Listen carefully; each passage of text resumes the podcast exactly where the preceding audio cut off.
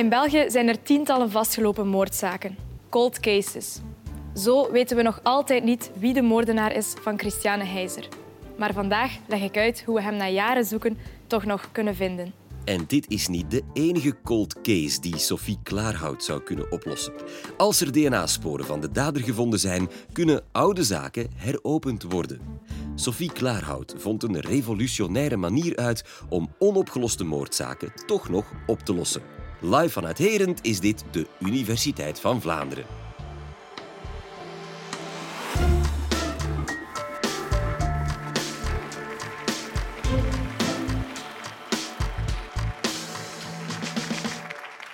We gaan terug naar het jaar 1992. Op dat moment studeerde Christiane Heizer aan onze Brusselse universiteit. Het academiejaar is al een goede maand begonnen en op een avond willen haar kotgenoten gaan feesten.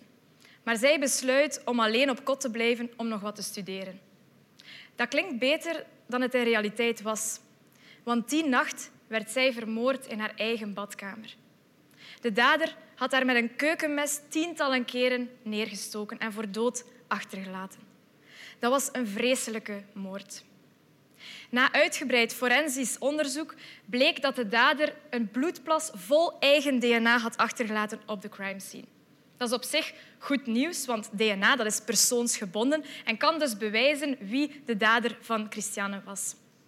Maar aan DNA hangt natuurlijk geen naamkaartje, waardoor we moeten zoeken naar iemand met hetzelfde DNA. Dat kunnen we in België doen op twee manieren.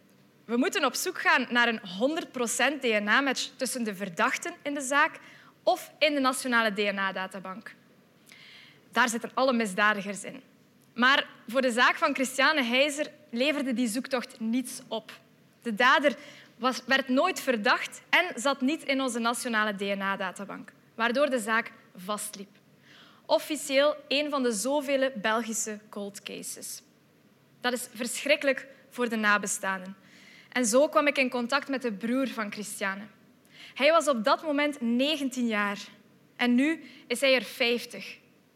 Van het jaar voor mijn geboorte tot nu weet hij nog altijd niet wie zijn zus heeft vermoord, omdat de zaak vastzit. Maar wat als ik zeg dat het onderzoek hier niet hoeft te stoppen? We weten al zoveel meer dan 30 jaar geleden over DNA. Als de dader onder de radar blijft, dan zouden we hem kunnen vinden via zijn familie. Nu, hoe werkt dat precies? Wel, DNA dat is persoonsgebonden. Dat is een heel lange code. Je kan het eigenlijk zien als een heel lange barcode dat geschreven werd in 46 verschillende stukjes. Dat zijn jouw chromosomen. En die chromosomen die bevatten al ons DNA. En de helft erf je van je vader en de andere helft erf je van je moeder. En die twee onderdelen die gaan stukken uitwisselen met elkaar. Die gaan recombineren, waardoor dat jij een uniek DNA-profiel hebt. Als je geen één-eigen tweeling bent, dan heeft niemand op deze wereld hetzelfde DNA als jij. Zelfs jouw broer en zus niet. Ze komen wel uit hetzelfde potje DNA, je hebt dezelfde ouders, maar toch wordt het anders door elkaar geschud, waardoor dat jij uniek bent. Nu, als we een generatie verder kijken, dan komt het DNA van jouw schoonbroer en jouw schoonzus erbij. En dan wordt het nog moeilijker om die gelijkenissen te zien. Dus hoe verder je verwant bent, hoe lastiger het wordt. En dat is natuurlijk moeilijk om dan familie van de dader van Christiane te vinden. Maar er is één deeltje in het DNA van de dader dat wel over generaties hetzelfde blijft. En dat is het Y-chromosoom. En dat Y-chromosoom dat is echt fantastisch. Dat komt alleen maar voor bij mannen en dat wordt bijna volledig intact overgeërfd van vader op zoon. Waardoor dat er ja, heel veel mannen hetzelfde DNA hebben. En daarom heb ik mijn onderzoek gedoopt als CSY, Crime Scene Onderzoek op het Y-chromosoom. Nu, ik hoor jullie al denken, uh, Ella, Sophie, dat Y-chromosoom dat komt alleen maar voor bij mannen. Uh, wat dan met vrouwelijke moordenaars? Ja, terechte vraag. Ik moet toegeven, mijn onderzoek is niet echt genderneutraal. En dat is ook moeilijk, lastig als je op um, geslachtschromosomen werkt. Maar het is wel een feit dat meer dan 90 procent van de moordzaken in België gebeurt door mannen. Dus ja, we moesten ergens mee beginnen en vandaar dat Y-chromosoom. Nu, hoe werkt dat Y-chromosoom precies? Wel, dat wordt dus bijna volledig doorgegeven van vader op zoon, met de nadruk op bijna, want gedurende de generaties kan het toch zijn dat er bepaalde foutjes in het DNA sluipen, mutaties. En dat is niet per se erg, dat is juist heel interessant voor forensisch onderzoek, want daardoor hebben niet alle mannen hetzelfde Y-chromosoom. Voor mijn onderzoek zijn er twee mutaties heel interessant. Dat zijn de snelle mutaties en de trage mutaties. Met die snelle mutaties kan ik heel snel familie van de dader vinden. Dat kan gaan over dichte familie, zoals broers of neven, maar ook heel verre familie, zelfs tot 40 generaties ver. En daardoor zijn er veel mannen die we eigenlijk ja, die matchen met de dader en waardoor dat we via hun stamboom naar de dader kunnen komen. Naast die snelle mutaties hebben we ook trage mutaties. En die, ja, Y-chromosoom dat wordt zo intact doorgegeven dat we eigenlijk zelf tot heel het prille begin van de mensheid kunnen gaan, tot in Afrika, ongeveer 300.000 jaar geleden. En aan de hand van die trage mutaties kan ik dus zien hoe onze voorouderen uit Afrika gemigreerd zijn om de wereld te veroveren.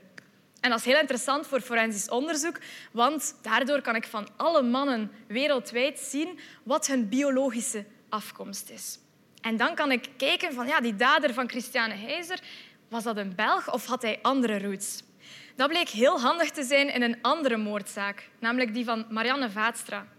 Zij werd in 1999 in Nederland vermoord op hetzelfde moment dat er net een asielzoekerscentrum werd opgestart. En heel het dorp was er eigenlijk van overtuigd dat het een asielzoeker moest geweest zijn. Nu, dankzij die trage mutaties wisten we dat die dader helemaal geen afkomst of roots had van Afrika of Azië, maar dat het eigenlijk hoogstwaarschijnlijk een Nederlander was. En daardoor hebben ze in Nederland een grootschalig verwantschapsonderzoek opgestart rondom de crime scene om familie van de dader te vinden via dat Y-chromosoom. En dat is exact wat ik ook wil doen hier in België, voor onder andere de zaak van Christiane Heizer. Zo'n grootschalig verwantschapsonderzoek starten. Want helaas is er nog geen Y-chromosoom-databank in België dat we kunnen gebruiken om familie van de dader te vinden. Nu, om heel eerlijk te zijn, dat bestaat wel. Ik heb dat voor mijn onderzoek, maar ik moet dat natuurlijk niet gebruiken voor justitie. Dus moet ik via een grootschalig onderzoek op zoek gaan naar vrijwilligers die met mij mee die moord willen oplossen. Op zoek naar familie van de dader. En dan kun je je afvragen, ja, Sophie, uh, zijn mensen dan eigenlijk geneigd om mee te doen als je plots als familie van de dader bestempeld wordt? En dan zeg ik, geen probleem. Want ten eerste, dat Y-chromosoom dat gaat zo ver, dus dat kan ook zijn dat je die persoon zelf niet kent. En ten tweede, dat onderzoek dat gebeurt allemaal achter de schermen. Dus je zal nooit te weten komen of je familie was van de dader, ja of nee. En dan ja, kun je je afvragen, DNA, dat zomaar afgeven, dat is toch gevoelige informatie. Eh, wat als dat in een databank terechtkomt of dat er gelekt wordt of zo. Dan zeg ik ook, geen probleem. Want jouw DNA-staal wordt sowieso vernietigd na het onderzoek. En daarnaast, dat Y-chromosoom, dat zegt eigenlijk niets. Dat zegt niets over je medische achtergrond, en welke, welke ziekten dat je zou kunnen hebben. En dat zegt ook niets over je uiterlijke kenmerken, behalve natuurlijk dat je een man bent. En daarom noemden biologen het Y-chromosoom ook wel de genetic wasteland. Maar ik noem het liever de sleutel tot succes. Want met dat Y-chromosoom hebben we ook de dader van de Nederlandse Marianne Vaatstra kunnen pakken. Dus je ziet, ja, zo'n verwantschapsonderzoek dat kent zijn succes al, maar zo'n onderzoek dat kan heel tijdrovend en duur zijn. En dat horen we niet graag. Dus met mijn onderzoek heb ik ervoor gezorgd dat we dat iets sneller en efficiënter kunnen doen verlopen. Ik heb drie tools ontwikkeld. Nu, ik kan ze natuurlijk vandaag niet allemaal uh, vertellen, dus pik ik er eentje uit waar ik er toch wel best trots op ben. En dat is de CSY Seek. Dat klinkt heel spectaculair, maar eigenlijk ziet dat er gewoon zo uit. Met dit appje kan ik het Y-chromosoom tot in het kleinste detail gaan analyseren. Hoe? Wel, stel, puur hypothetisch, hier vooraan, meneer geeft mij vrijwillig zijn DNA. We gaan dat niet echt doen, hè. maar uh, voilà, dat, dat gebeurt via deze swap. Dat is niet zoals bij corona uh, in uw neus of in uw keelgat. Dat is eigenlijk via de binnenkant van uw wang. Dus volledig pijnloos. Nu, als ik dat bij u doe, dan hangt jouw DNA hier aan deze swap. Dan ga ik naar mijn labo en uh, ja, na ongeveer een protocol van een uurtje heb ik daar jouw Y-chromosoom uitgehaald. Wat doe ik dan? Wel, met die CSY-seq ga ik dan jouw Y-chromosoom in duizenden stukjes gaan knippen. En niet helemaal random natuurlijk. Ik zorg ervoor dat de stukjes met die snelle en trage mutaties overblijven. En dan ga ik die stukjes gaan kopiëren.